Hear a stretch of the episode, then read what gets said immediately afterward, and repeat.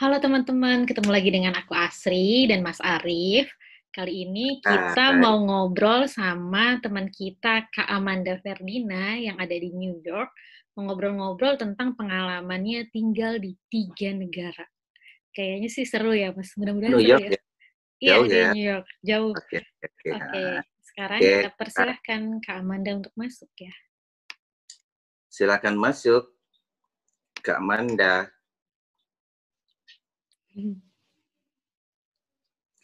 Oh, jadi iya, sekarang itu eh, Kak Amanda itu kan eh, tinggal di New York karena ngikutin eh, tugas suaminya. Nah, sebelumnya kebetulan kami ketemu itu pas di Adelaide ya. Adelaide. Mm-mm. Ah, kebetulan juga pas eh, itu suaminya juga pas ngambil PhD di Australia. Kemudian sekarang ada tugas di New York. Halo. Halo, Kak assalamualaikum. Amanda. Assalamualaikum. Waalaikumsalam. Apa Gimana kamu? kabarnya? Baik, Baik, alhamdulillah. Gimana sana? Mas Arif? Sama Asri? Baik, alhamdulillah ya. Beginilah kita. Tetap, tetap itu Ya, gitu. hope ya. Thanks, thank you ya udah mau nyempet-nyempetin secara di sana kan malam Udah ya. malam ya? Heeh. Di sini, iya, di sini udah jam 10. Eh, se- enggak, setengah 11. Ah, Sekarang 11 jam bukan? Oh iya iya iya setengah iya. iya. 11. Oke. Nggak Ah, apa-apa. gitu. I- Kita juga baru selesai buka kok. Eh, buka tadi jam 8. Jam 8 kurang. Terus baru Isa tadi jam 9 lewat. Gitu. Oh, kita ngebayanginnya malam banget ya, Ci. Iya. Makanya gue, waduh, Komanda, jam itu malam banget ya, gue bilang gitu kan. Udah tapi gak apa-apa lah. Kita kan tetap silaturahmi ya. Jadi, Iya, benar. kita introduce Mamanda nih ke teman-teman. Jadi Mamanda ini kan eh, apa eh, ngikutin tugas Miswa terus tuh udah dari eh pertama dari Italia dulu ya Mbak? Ngintil. Hmm. Eh, ngin, eh, iya, ngintil suami. Yang dari Iya, jadi suami kalau bahasa kerennya bahasa kerennya namanya trailing spouse ya yang tadi sempat Oh, eh, aku kirim ke. Arif sebelumnya. Iya iya iya. Apa? trailing trailing spouse. Hmm. Iya, trailing spouse itu eh, s- apa dalam hal ini berarti aku istri ya. Jadi istri mengikuti eh, ke mana suami pergi dalam hal ini terkait sama karir. Jadi misalnya, tapi sebenarnya bukan karir doang sih, bisa juga kuliah atau Wah, eh, ya. akademik ataupun karir. ha. Jadi Oh, entah eh, dan ya benar dan cakupannya sebenarnya nggak cuman ke luar negeri sih, luar kota, pin- misalnya di dalam Indonesia pun eh, mereka juga bisa disebut trailing istilahnya spouse. trailing spouse itu. Hmm. Memang Oh. belum belum terlalu eh, terkenal kali ya istilahnya itu. Cuma eh, Kalau kita- ya iya Oh saja ya kan. kayak gitu. ya itu makanya kan eh, dari pertama eh, ceritanya dari pertama ngikutnya ke mana dulu Mbak? Waktu pertama eh, tahun 2010 ya itu eh, dia eh, sekolah sekolah di Malta. Hmm. sekolah di Malta. Nah, itu pas banget. Sebenarnya sekolah di Malta itu cuman setahun ya, 2010 cuman eh bahkan sebenarnya nggak sampai setahun sih, cuman 10 bulan. Ya. Aku waktu itu pas banget udah lulus eh, selesai benar-benar baru selesai yudisium waktu itu ngambil di psikologi UI ngambil master. Itu Hmm. selesai terus nggak belum wisuda. Terus dia ngajakin aku keterima nih. Tapi berangkatnya bulan eh, September apa Oktober ya waktu itu nggak salah. Eh, sementara eh, wisudanya tuh ya di bulan yang sama gitu lah intinya.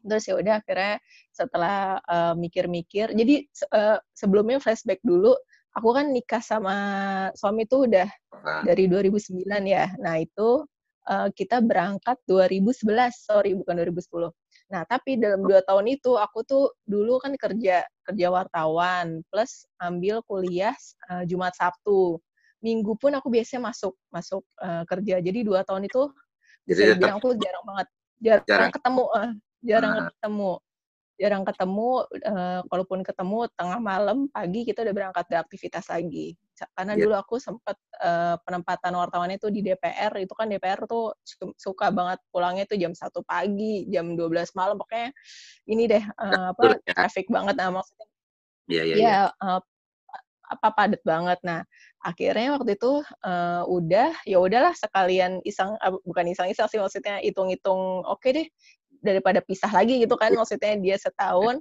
Hah? Lebih Mm-mm, akhirnya Iya, akhirnya ikut sama dia ke Malta. Nah, Malta itu setahun uh, setelah selesai di sana setahun, udah gitu balik sebulan berikutnya dia berangkat lagi ke Adelaide. Wow. Jadi 2000. Itu jaraknya sebulan. Iya, jaraknya dua bulan lah kurang lebih. Jadi kita balik itu bulan Mei ya nggak salah. Nggak salah baliknya bulan Mei. Dia Juli berangkat. Hmm. Uh, terus aku nyusulnya itu September, Agustus pas September gitu, aku lupa deh. Pokoknya dia sempat stay di sana, dapat rumah dulu, uh, terus baru aku nyusul.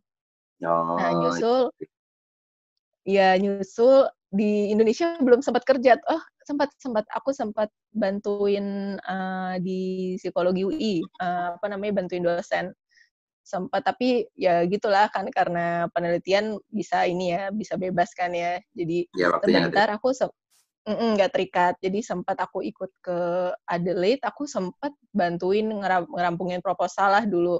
Cuman karena uh, ini ya gimana pun juga kan dulu uh, kendala jarak dan agak sulit akhirnya udah selesai. Uh, kerjanya nggak nggak aku lanjutin waktu itu sama uh, sama mbak di mbak dosen di psikologi. Oh, gitu. Terus ya udah selesai 2000 2000 dari 2012 selesai 2016. 2016 uh, aku pulang duluan, dia karena waktu itu mau sidang yang masalah sidang disertasi. Dia pulang eh dia selesainya 2017. 2017 berangkat lagi 2019. Berarti di Itulah, Indo dua lebih. Ke New York ya, Kak, 2019. Iya, 2019 uh, ke sini. Ya lumayan sih di Indonesianya dapat ini Dua ya tahun. apa ngumpul sama keluarga sama Betul. orang tua itu kan yang paling kan yang paling kerasa tuh gitu ya begitu pulang ya Allah papa mama udah berubah banget maksudnya udah orang tua kita tuh udah berubah Iya. banget tuh Saya udah lama gak ketemu ya. Eh, kerasa Jarang. banget kan Heeh. jadi yang kok udah ini banget ya maksudnya udah beda banget maksudnya ya gitu deh jadi yang Iya. Ya itu yang kadang-kadang orang suka suka ngeliatnya kan kalau misalnya ya memang satu, satu sisi disyukuri ya kita bisa jalan-jalan bisa Ya, pasti ada ke maksudnya iya benar tapi eh, kadang-kala orang suka lupa eh, trailing spouse itu juga apa ya sebenarnya nggak nggak nggak cocok juga dibilang duka ya tapi tantangannya adalah Ada uh, harus bisa terus menyesuaikan diri sama situasi apa pun gitu, sama situasi Hmm, di ya, betul. kota ataupun di negara yang dia uh, Betul. tinggali kayak gitu. Iya Dan sih. juga pisah sama keluarga. ya agak agak tough juga ya. Maksudnya kan eh, di itu ini yang berbeda. Kemudian saya ke- aku lebih mikirnya ke anak-anak, Mbak. Tapi anak-anak ngalamin apa kayak pindah negara tuh ba- sekali ya? Apa dua kali? Sekali kan waktu di Adelaide mereka lahir ya, dan waktu Ya. balik ke Indonesia mereka itu umur satu setengah tahun. eh, maksudnya belajar ngomong gitu waktu di Indonesia kan. Nah, pas waktu balik ke sini, eh pas pindah ke New York, nah itu baru awal-awal mereka eh apa ya? Mungkin kalau misalnya dengan New Yorknya itu sendiri mereka nggak ada masalah, maksudnya mereka happy banget di sini karena juga banyak playground di mana-mana ya dan eh, Iya, iya. apa namanya eh, eh, akses segala macam itu kan di sini eh, impian banget lah, maksudnya buat anak-anak ya. Senang Mm-mm. gitu.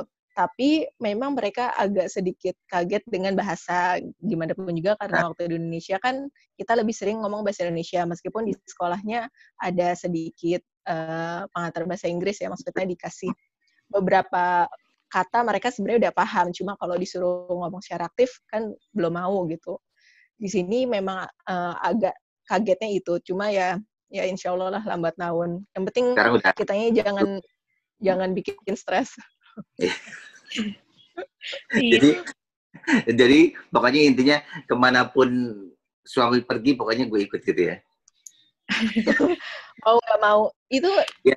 mau nggak mau Hmm. karena itu itu yang di itu yang di propose suami ketika ngelamar sih sebenarnya jadi waktu dia ngelamar tuh dia nanya mau nggak nikah sama aku tapi nah tapinya itu ya dia dia ngomongnya gitu "Eh, Dia- kamu gimana uh, kalau Hmm. misalnya nanti nikah, kamu siap nggak ngikut aku ke mana aja? Maksudnya ke mana aja itu kan aku dulu mikirnya nggak negara yang bagus ya, maksudnya atau nggak Gitu. nggak Hmm. nggak tempat yang bagus gitu. Aku mikir yang the worstnya. Jadi misalnya entah negara entah negara eh, yang negara ketiga Nah, gitu ya. atau negara konflik bahkan gitu kan. Dan itu itu juga yang sebenarnya bikin aku jawab lamarannya dia agak lama. lama banget untuk sholat istiqoroh, nanya-nanya orang tua, ini gimana mah? Aduh, aku gimana ya? Pokoknya gitu deh. Cuma ya kalau orang tua kan bilangnya ya udah eh, kamu ikutin, maksudnya yang jelas istiqoroh ya.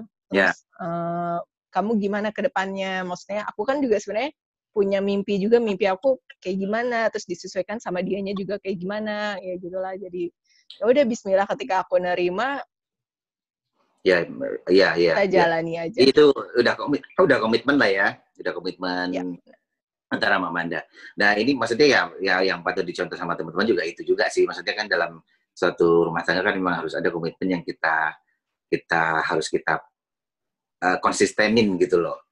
Ya contohnya yang Mbak Manda ini. Amin ya Allah. I- Ini karena negaranya bagus aja nih, jadi amin. Kalau nanti negara itu, aduh ya Allah, semoga deh. Karena sekarang kan lagi puasa nih. Ya. Nah, kalau di New York gimana sih ceritanya? Maksudnya, Eh, eh, yang jelas sebenarnya sih kalau dari puasanya waktunya udah beda ya Mas. Di sini ya Astri juga ya di sini eh, kita puasanya itu 16 jam. Eh, jadi sahurnya itu dari jam eh, bukan bukan sahur eh, subuhnya ya subuhnya itu jam eh, lim, setengah lima. Sekarang udah setengah lima pagi. Eh, bukanya maghribnya jam 8 kurang 9 menit. Jadi ya kurang lebih sekitar lumayan Jadi dan itu kan makin lama makin pagi terus makin malam maghribnya juga. makin mundur ya. Eh, Hmm, Itu berarti iya, lagi sampai. iya. Oh ya lagi musim apa kak di sana? Harusnya sih spring. Cuma karena Harusnya. kita di rumah terus jadi springnya nggak kerasa. jadi eh, yang jelas masih dingin juga sih soalnya masih belasan derajat lah. Jadi kadang-kadang pagi masih suka 5 sampai 10 derajat. Oh, Eh, gitu ya? Siang udah belasan derajat. Mm, Masih mungkin eh, dan minggu ini hujan terus. Ya semoga aja Hmm. minggu depan lebih cerah dan lebih hangat ya. Hmm. Karena udah ya, mm, Kalau puasa sih mungkin nggak nggak begitu, ya udah udah terbiasa lah ya. Maksudnya walaupun waktunya berubah-ubah gitu. Cuman kan masalahnya ini kan pas puasa, pas masa pandemi, pas di negeri orang pula gitu loh. Nah itu gimana Mbak? iya. Atasinya? Eh, di rumah aja. Maksudnya jadinya nggak kerasa, jadinya kurang kerasa juga sih sebenarnya. Maksudnya kurang kerasa dalam arti karena kita kan juga di rumah. eh, paling kita keluar hanya untuk beli makanan, beli bahan makanan, atau misalnya ya untuk hal-hal yang urgent ya. Tapi sisanya kan kita di rumah. Jadi stay. setiap Hmm. Iya bener, paling yang kerasa banget eh, kalau misalnya dulu di Indonesia atau misalnya di Adelaide eh, sebelumnya juga kan kalau misalnya buka puasa kita kadang sering buka puasa bareng-bareng Ya. sama orang-orang Indonesia atau sama komunitas mana gitu ya. Dan kita bawa-bawa lauk, bawa makanan, habis itu disambung sholat bareng atau sholat di masjid gitu ya. Cuman nggak di sini kan ya enggak gitu. Jadi semuanya Nggak ada bukber juga ya? di rumah nggak ada di rumah paling kalau mau buka puasa bareng pakai zoom jadi Iya. rame-rame tapinya onlinean Oh, buka bersama tapi waktunya beda ya. Jadi susah juga. iya benar kasihan nanti kalau di sini makan di Indonesia lagi puasa kan Hmm. Kak Terus kalau iya aku mau nanya Gimana? sekarang ganti Mas Ribu. silakan Sri Ini dari ketiga kota itu, Kak Manda ada pengalaman yang paling berkesan nggak? Dari Malta, Eh, Adelaide. yang nggak bi nggak semua bisa disamain sih ya semuanya Hmm. berkesan tapi maksudnya berkesannya beda-beda ya kalau di Malta itu yang paling aku ingat itu di Malta eh, jadi di Malta itu kondisinya adalah beasiswa kan waktu itu di sana suami beasiswa ya be- tapi bukan beasiswa eh, donor maksudnya beasiswanya dari kampusnya untuk Iya. kuliah Eh, Hmm. tapi kita dikasih dikasih uang sejumlah sekian euro gitu ya di Malta tapi itu sebenarnya beasiswa hanya untuk satu orang. Nah, Hmm. sementara kan ada aku, ada istrinya. Iya, Dan betul. dan kita dan kita tuh karena uh, suami bawa aku ya, dia bawa aku, kita nggak bisa tinggal di uh, uh, apa sih? Jadi dulu tuh di sana disediain kayak asrama ya, tapi asramanya kayak kayak apa ya? Kayak rumah kecil rumah kecil gitu. Jadi bukan kayak apartemen, bukan kayak gitu. Nah itu kita nggak bisa tinggal di situ karena di sana rata-rata pada sharing. Jadi sharing house, jadi satu rumah dua kamar, tapi itu biasanya dua mahasiswa. Sementara uh, pihak sekolah nggak mau kalau misalnya satu rumah ada yang bawa istri gitu. Jadi mau nggak mau kita, aku sama suami harus tinggal di luar kampus. Nah di luar kampus itu kita dikasih, kita ditawarkan apartemen. Kita tinggal di apartemen, tapi uh, pihak kampus hanya subsidi sekian persen. Jadi sementara kalau mahasiswa yang lain itu gratis. Jadi kita harus pakai uang uh, yang dari uh, beasiswa yang lainnya gitu kan ya. Nah Hmm. itu uh, di sana. Jadi kita kalau dihitung-hitung dalam sebulan kita harus hidup dari sekitar 200-an euro untuk berdua untuk Iya. sebulan. Dan itu ada dan itu uh, lumayan sulit. Jadi sulit banget bahkan kalau bisa dibilang. Itu ya, Jadi di alokasi alokasi. itu kita bener Hmm. jadi uh, caranya adalah kita sering puasa dan dalam sehari itu udah dijadwal. Pagi itu kita makan roti. Kalau nggak roti sereal, udah itu doang nggak boleh yang lain. Siang itu boleh makan nasi yang hanya dua porsi. Jadi aku bikin bikin nasi hanya untuk dua porsi. Nggak nggak nggak akan ada leftover lah intinya. Makan malam itu kita makannya kalau nggak mie atau spaghetti. Udah itu karena spaghetti murah di sana ya. Jadi mak maksudnya kita uh, makan itu. Yang spaghetti biasanya lauknya uh, pakai sayur. Untung ada saus tomat ya. Itu uh, maksudnya saus tomat spaghetti itu lumayan ngebantu ada rasa lah. Itu jadi kita penghematannya tuh di sana bisa kebayang nggak mas? Tapi keren, keren maksudnya, maksudnya kita nggak melihat dari sisi itunya sih. Maksudnya kita melihat, uh -uh. maksudnya Mbak Manda berarti termasuk emang yang ya emang kalau udah komitmen ya gimana gitu loh kan harus dijalani. Iya benar di mana pun keadaannya. Ya tetap gitu. kadang-kadang kadang-kadang dan waktu itu uh, bisa lumayan jauh uh, apa sih groceriesnya ya. Jadi uh, kalau orang teman-teman mungkin ke sana naik bis. Sementara bus itu lumayan harganya. Harganya itu uh, aku lupa 3 euroan. Tapi kalau kita berdua kan lumayan ya. Jadi uh, kita sering jalan kaki. Pulang dari kalau dari rumah ke groceriesnya sih enak ya jalan kaki. Maksudnya santai kan berdua juga dia bawa enak gitu. Pulang ya luar biasa. Bawa berat. Pulangnya bawa galon galon air.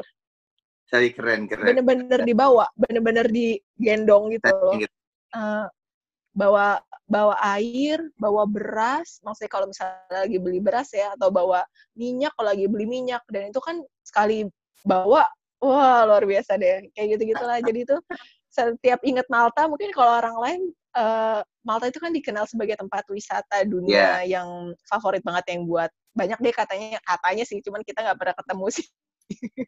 Mungkin karena kita nggak pernah ke tempat mereka tapi kalau misalnya orang inget Malta itu sebagai tempat wisata kalau aku pribadi inget Malta itu uh, tempat belajar untuk pertama kali lah. Maksudnya untuk survive tinggal di luar ya.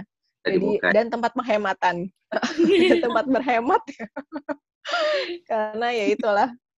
Oke, terus terus cuma, terus. uh, cuma di Malta tapi tinggal di Malta tuh uh, dan Malta itu tempat meskipun dia tempat wisata ya maksudnya uh, benar-benar destinasi wisata tapi Malta itu kecil. Jadi mungkin bisa dibilang dua atau tiga jam cukup uh, jalan maksudnya naik mobil tapi ya dari utara ke selatan Malta atau dari barat ke timurnya Malta karena saking kecilnya. Dan di sana yang dan di sana itu orang Indonesia itu sedikit sedikit banget. Jadi benar-benar bisa dihitung dengan jari cuma aku punya pengalaman ya itu nggak uh, nggak akan pernah aku lupain deh. Jadi aku lagi naik masuk bis lagi duduk terus tiba-tiba ada yang nyolek dari belakang. Bapak-bapak. Gitu kan. Hah, siapa nih? Maksudnya aku nggak kenal kan. Tiba-tiba dia ngomong gini mbak mbak dari Indonesia ya? Iya. wah bapak gitu. Iya kok tahu pak? Gitu. Iya soalnya cara pakai kerudungnya kayak kerudung Indonesia perempuan Indonesia kayak gitu. Oh ya Allah pak. Gitu. Dan ternyata dia itu ABK. Jadi di Malta itu banyak uh, nggak banyak ya Hmm. maksudnya orang Indonesia yang tinggal di Kerjanya- sana kalau nggak uh, kalau nggak uh, kebanyakan itu adalah ABK uh, anak buah Oh. kapal. Jadi uh, mereka dan itu mereka nggak tinggal di sana, tapi Malta itu hanya sebagai tempat transit. transit ya. Hmm. Jadi mm-mm, tempat transit biasanya mereka mau ke eh, misalnya ke Roma dari mana dari Belanda atau dari mana kayak gitu bukan Belanda sih pokoknya dari negara mana lah gitu lah Iya. dan transit itu di Malta kayak gitu Hmm. nah kayak gitu dan karena kita per apa kita pernah ketemu sama orang Indonesia di situ terus nggak sengaja kita juga pernah ketemu sama ABK ABK pas kita lagi di pasar jadi kita lagi di pasar tradisional tiba-tiba aku denger ih kok ada suara ngapak-ngapak. Jadi suara uh, Ya. orang Tegal ternyata dia Heeh. terus loh bapak dari Indonesia pak? Gitu. Iya. Gitu. Iya udah akhirnya kita akhirnya kita ajak mereka ke apartemen. Kita waktu itu makan malam bareng. Udah kayak saudara aja waktu ya. itu di sana iya jadi di Iya. sana mah udah saking sedikit banget saking Iya. sedikitnya orang Indonesia di sana. Eh, makan bareng di sana terus eh, waktu itu yang jadi student di sana eh, ada tiga orang orang Indonesianya. Ya udah kita rame-rame makan di sana. Ada juga Seru. satu orang yang dia udah jadi permanen resident lah bisa dibilang gitu ya di Malta. Itu dia tinggalnya namanya di Pulau Gozo. Jadi Malta itu dia ada dua pulau. Pulau Malta yang besarnya satu lagi itu Pulau Gozo nah kita eh, kenal sama si Mbak ini itu dari ada seniornya. Suami itu dia eh, dulunya juga kuliah di Malta. Nah dia dan dia itu kenal sama si orang Indonesia itu by Facebook. Bener-bener by Facebook. Terus didatengin. Nah si senior sebenarnya asal kita. Terus kita datanglah ke sana. Itu yang tadi kita sama sekali nggak kenal. Baik banget mbaknya tuh. Namanya Heeh. apa namanya kita diantar keliling Pulau Gozo pakai mobil dan kita nginep di rumahnya. Yang itulah maksudnya yang bener-bener yang nggak kenal sama sekali terus tiba-tiba ya udah kita dijamu uh, dijamu kayak bisa saudara. bisa udah bag- baik. Hmm. iya. Kalau yang eh di sorry mas. Apa? Gimana? iya. Sorry mas. Eh, iklan dulu. Boleh ambil makanan. Ambil Apa makanan. Apa? Lama kok. Dia Maaf minta ya. makan Lagi buka ya, Mak. Sorry ya, dulu. Hah? mutiara mutiara Mutiara. Belum belum tidur Arah. Mutiara. Belum ya? Harus Sofia. belum karena tadi dia makan eh karena tadi dia tidur siang jadinya eh, tidurnya pasti malam hari ini Iya. Hmm. Ya, jadi teman-teman yang belum tahu nih, Mbak Mbak Manda ini punya kembar, Twin. uh, oh twin iya Sofia gitu. Nah itu kan mereka kan lahir di Adelaide ya Mbak. ada lain Mm-mm. Itu bisa cerita nggak Mbak? Itu pro- prosesnya di sana. pas waktu lahirnya pas waktu- nah ini juga ini eh, lahir di Malta tuh eh di Malta sorry lahir di Adelaide itu juga ini banget ya eh, luar biasa berkesan ya maksudnya mulai dari eh, jadi di sana tuh dari awal aku udah di karena aku dulu lahir kembar eh, karena dulu aku hamil kembar juga ya jadi eh, lumayan dapat perhatian tambahan lah dari pihak dokter di sana Eh, Hmm. jadi kalau yang lainnya mungkin berapa bulan sekali baru eh, cek apa check up-nya tuh berapa bulan sekali dua bulan sekali atau tiga bulan sekali gitu. Tapi karena aku hamil kembar jadi sebulan sekali. Kali. nah dari awal tuh udah dibilangin sama midwife sama bidannya di sana ya. Kamu nanti kalau mau lahiran kalau udah ngerasain kontraksi kamu nggak boleh langsung datang. Harus telepon kata mereka gitu. Harus telepon dulu. Eh, karena kalau kamu langsung datang tapi ternyata kamu belum saatnya buat lahiran kamu akan disuruh pulang gitu. Hmm, jadi hmm, itu dan itu benar-benar aku inget-inget banget karena beberapa orang Indonesia juga ngomong ke aku gitu jangan langsung datang nanti disuruh pulang gitu. Kontraksi Mm. paket ya, namanya ya kalau nggak salah. Iya bisa jadi atau sebenarnya bisa benar udah kontraksi sih cuma masih dianggap eh, Hmm, apa saatnya. namanya belum saatnya gitu. Jadi waktu itu aku inget banget pagi-pagi tuh aku sebenarnya udah sakit pinggang tuh ya. Nah itu tapi aku eh, bilangnya ah enggak kayaknya masuk angin gitu. Karena ibuku udah bilang eh, kalau sakit mau melahirkan tuh harusnya di bawah perut gitu kan.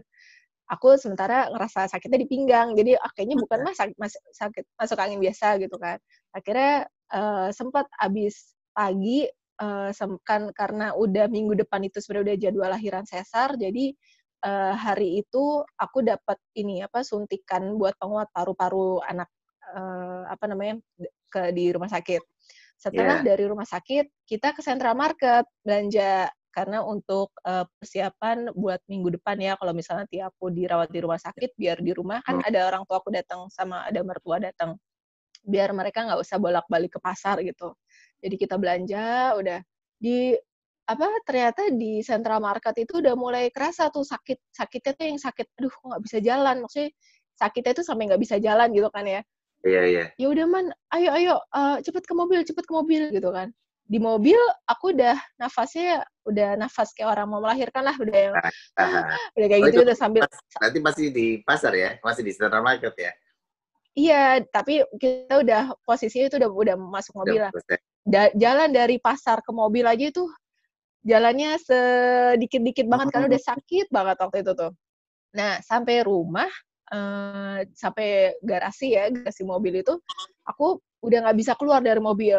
Aku nangis kan, aduh sakit banget, sakit gitu kan. Terus eh, ibu udah bilang, ayo kita ke rumah sakit, ke rumah sakit. Aku ngeyel dong, aku bilang, jangan, jangan, nggak boleh, nggak boleh, telepon dulu. Oh, guilty. Jadi aku Ah, aku masih masih ingat jangan nggak boleh mah itu katanya si midwife harus nelfon. Nggak boleh kita langsung datang. Nanti kita nggak diterima. Aku masih kekeh gitu kan ya. Ibuku kamu ini udah mau melahirkan? Enggak enggak telepon dulu telepon dulu gitu. Akhirnya udah mas Taufan telepon tuh. Telepon eh, rumah sakit kan. Ini istri saya kayak mau melahirkan. Saya mau ke sana ya. Si pihak rumah sakit ngomong gini coba saya ngomong dulu sama istri kamu katanya gitu. Eh, saya harus Hmm. ngecek dulu. Dia eh, apa misalnya kayak nafasnya udah sekian kan ada ritmenya kayak gitu-gitu kan kalau orang melahirkan tuh.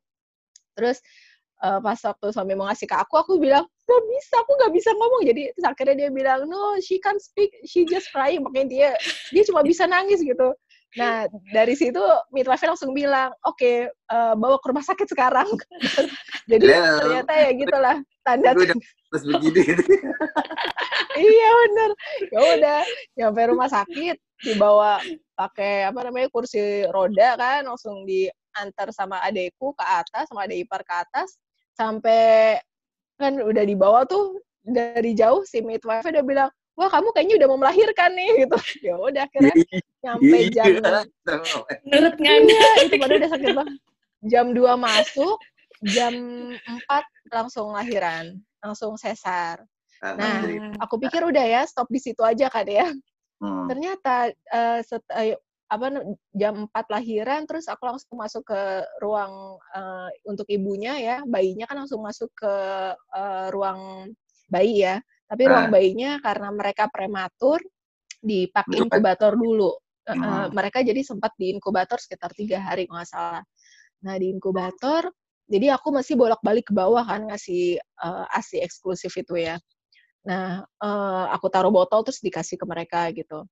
Nah, besoknya itu kan lahiran jam 4 tuh. Paginya jam 5 pagi aku dibangunin sama suster. Eh, kam- eh, dia bilang, bangun, kamu harus mandi. Ya ampun, itu lagi sakit-sakitnya. Terus aku, ah, gitu ya. salah nih, nggak salah nih. itu jam Ah, 5 gitu ya. pagi aku disuruh dibangun suruh mandi.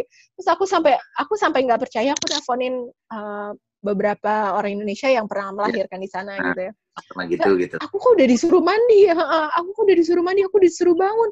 Ini bangun duduk aja aku nggak bisa gitu kan, maksudnya posisinya tiduran. Aku Iya untuk duduk aja ini masih sakit banget. heeh. Ini udah disuruh mandi gitu kan. Aku waktu itu mikir ya Allah, gini banget sih, menderita banget sih gitu ya. Sementara kalau aku dengar-dengar di Indonesia itu mungkin dari lahiran, dari sesar gitu ya, mungkin betul, baru disuruh betul. mandi itu bisa jadi seminggu kemudian atau empat Iya. hari kemudian lah. Ah, Iya ini tuh ini banget gitu kan. Terus kata si eh, waktu itu aku nelfon Mbak Elita. Mbak Elita bilang, iya man emang kayak begitu. Kata dia gitu, aduh udah mati. Ya, Aduh ada, ini ada, gimana gitu. ada alasan tersendiri nggak sih dari rumah sakit kok harus mewajibkan mandi gitu? Iya. Apa? Jadi eh, sebenarnya sih bukan masalah mandinya mas, tapi eh, Artinya. mereka itu eh, untuk kita langsung bangun katanya dengan eh, menurut mereka jang, waktu segitu tuh cukup. Jadi eh, dengan kita cepat bergerak itu membantu jahitan eh, sesar itu Oh. cepat pulih kata mereka. Oh iya Jadi berarti waktu itu ya datang udah ya. Hmm. Mm-mm. Nah, udah selesai dari situ, eh, Nah, ini yang lebih yang lebih yang lebih sampai sekarang aku benar-benar geleng-geleng ya. Maksudnya menurut aku ini cukup stressful bagi seorang ibu yang baru melahirkan. Itu adalah jadi uh, bayiku kan sem, uh, sempat bukan di inkubator lagi, jadi kayak di NICU-nya itu itu sempat berapa hari sekian gitu kan. Nah, uh, itu uh, setelah mereka selesai dari sana, ternyata bayinya nggak boleh langsung dibawa pulang.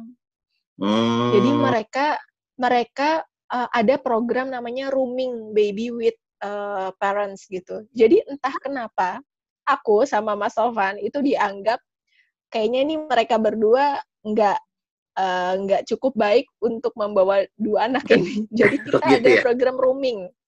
iya, jadi kita dikasih di rumah sakit itu ada fasil, ada fasilitas kamar. Jadi kayak hotel sih sebenarnya. Saya sebenarnya nggak hmm. hotel ya, hotel mah bagus ya. Kok ini kamar aja.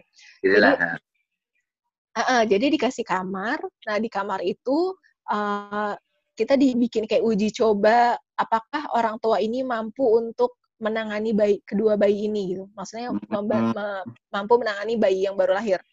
Jadi aku sama Mas Sofan tugasnya adalah kita suruh ngelis setiap bayi minta nyusu, uh, lalu juga uh, dicatat kira-kira berapa lama, terus kalaupun misalnya dikasih susu asinya ditaruh di botol, uh, kira, uh, ataupun dikasih formula gitu ya, suruh dicatat berapa mili, terus mereka hmm. dalam hmm. sehari berapa kali pup, berapa kali uh, pi, kayak gitulah intinya. Dan itu stressful. Maksudnya bagi aku itu dulu Gila. lumayan stres banget. Itu itu berapa lama kak? Itu kita dapat uh, tiga hari. Itu hmm. dua hari aja aku rasanya uh, kepengen benar-benar pengen pulang lah karena kan iya kan ya, sebenarnya kayak ujian ya. Iya. Dan itu nggak semua nggak semua orang tua maksudnya nggak semua teman-teman Indonesia yang waktu itu, oh. maksudnya teman-temanku yang melahirkan di sana nggak semuanya dapat melakukan hal itu gitu. Apa Mungkin aku kembar enggak? Iya bisa jadi case-nya kembar. Uh, uh. Hmm. Padahal aku waktu itu aku sebenarnya udah ditanya sama mereka, kamu di rumah ada orang yang akan bantu kamu nggak? Aku bilang ada, karena ada ibuku waktu itu datang sama ada ibu mertua datang juga, ada ada iparku juga. Jadi ada tiga orang selain bapak-bapaknya ya, maksudnya selain bapakku sama bapak mertua. Nah ada tiga orang, tapi entah mengapa mereka merumingkan itu, maksudnya membuat ruangan buat kita sama suami lah. Aduh itu benar-benar stressful banget. Itu kayaknya benar-benar ujian salah satu ujian terbesarku tuh di situ. Karena kan maksudnya uh, sebenarnya kalau misalnya di rumah ada orang tua kan sangat ngebantu ya. Maksudnya ada mereka tuh uh, hmm. mm, iya, iya. pasti sangat ngebantu. Nah itu tuh enggak, tapi meskipun makanan disediain juga dari sana, ibuku juga bawain makanan sih uh, karena makanan rumah sakit ya tahu sendiri lah ya. Iya iya. Begitu rasanya kan. Itu benar-benar inilah. intinya mungkin kalau misalnya kita lihat di dari sisi positifnya kali apa rumah sakit itu benar-benar make sure kalau si orang tua ini bisa uh, take caring anaknya gitu kali ya? Iya iya jadi hmm. mereka parameternya itu berat bayi berat badan bayi jadi mereka hmm. ngelihat apakah dalam tiga hari dalam pengasuhan aku sama suami itu eh, berat badan si kembar ini turun atau enggak? Oh gitu atau ya? stuck enggak? uh -uh. Kalau sampai turun, mungkin bisa jadi akan ditambah lagi. Aduh ya, jangan sampai deh. Untung untungnya sih enggak. Alhamdulillah untuk mereka naik, meskipun naiknya sedikit-sedikit ya, cuman itu udah, Berarti, ayo cepet pulang, pulang deh pokoknya jalani gitu sudah bisa lani ngasuh anak-anak. Iya mungkin ini kali ya muda kali ya kelihatan mukanya ya. Alah. ele ele terus sih waktu masih eh, lima menit lagi sih lima menit. Enggak, sebenarnya kita pengen itu yang di New York sih mbak. Uh, apa? Nah kalau misalnya di season lagi bisa? Diapain di session kedua nanti boleh, boleh. Siap. Ini mungkin di ini dulu kali Ji. Oh, ini diselesaikan dulu sesi ini. Biar nggak kepotong gitu sayang. Uh -uh. Nah. Oke deh kalau gitu. Ya teman-teman, uh, kita udah dengerin cerita Kamanda di Malta dan Adelaide. Nanti abis ini kita lanjutin lagi ceritanya yang di New York. Oke. Okay. Oke. Okay. Stay tune ya. Dah. Ya, dah.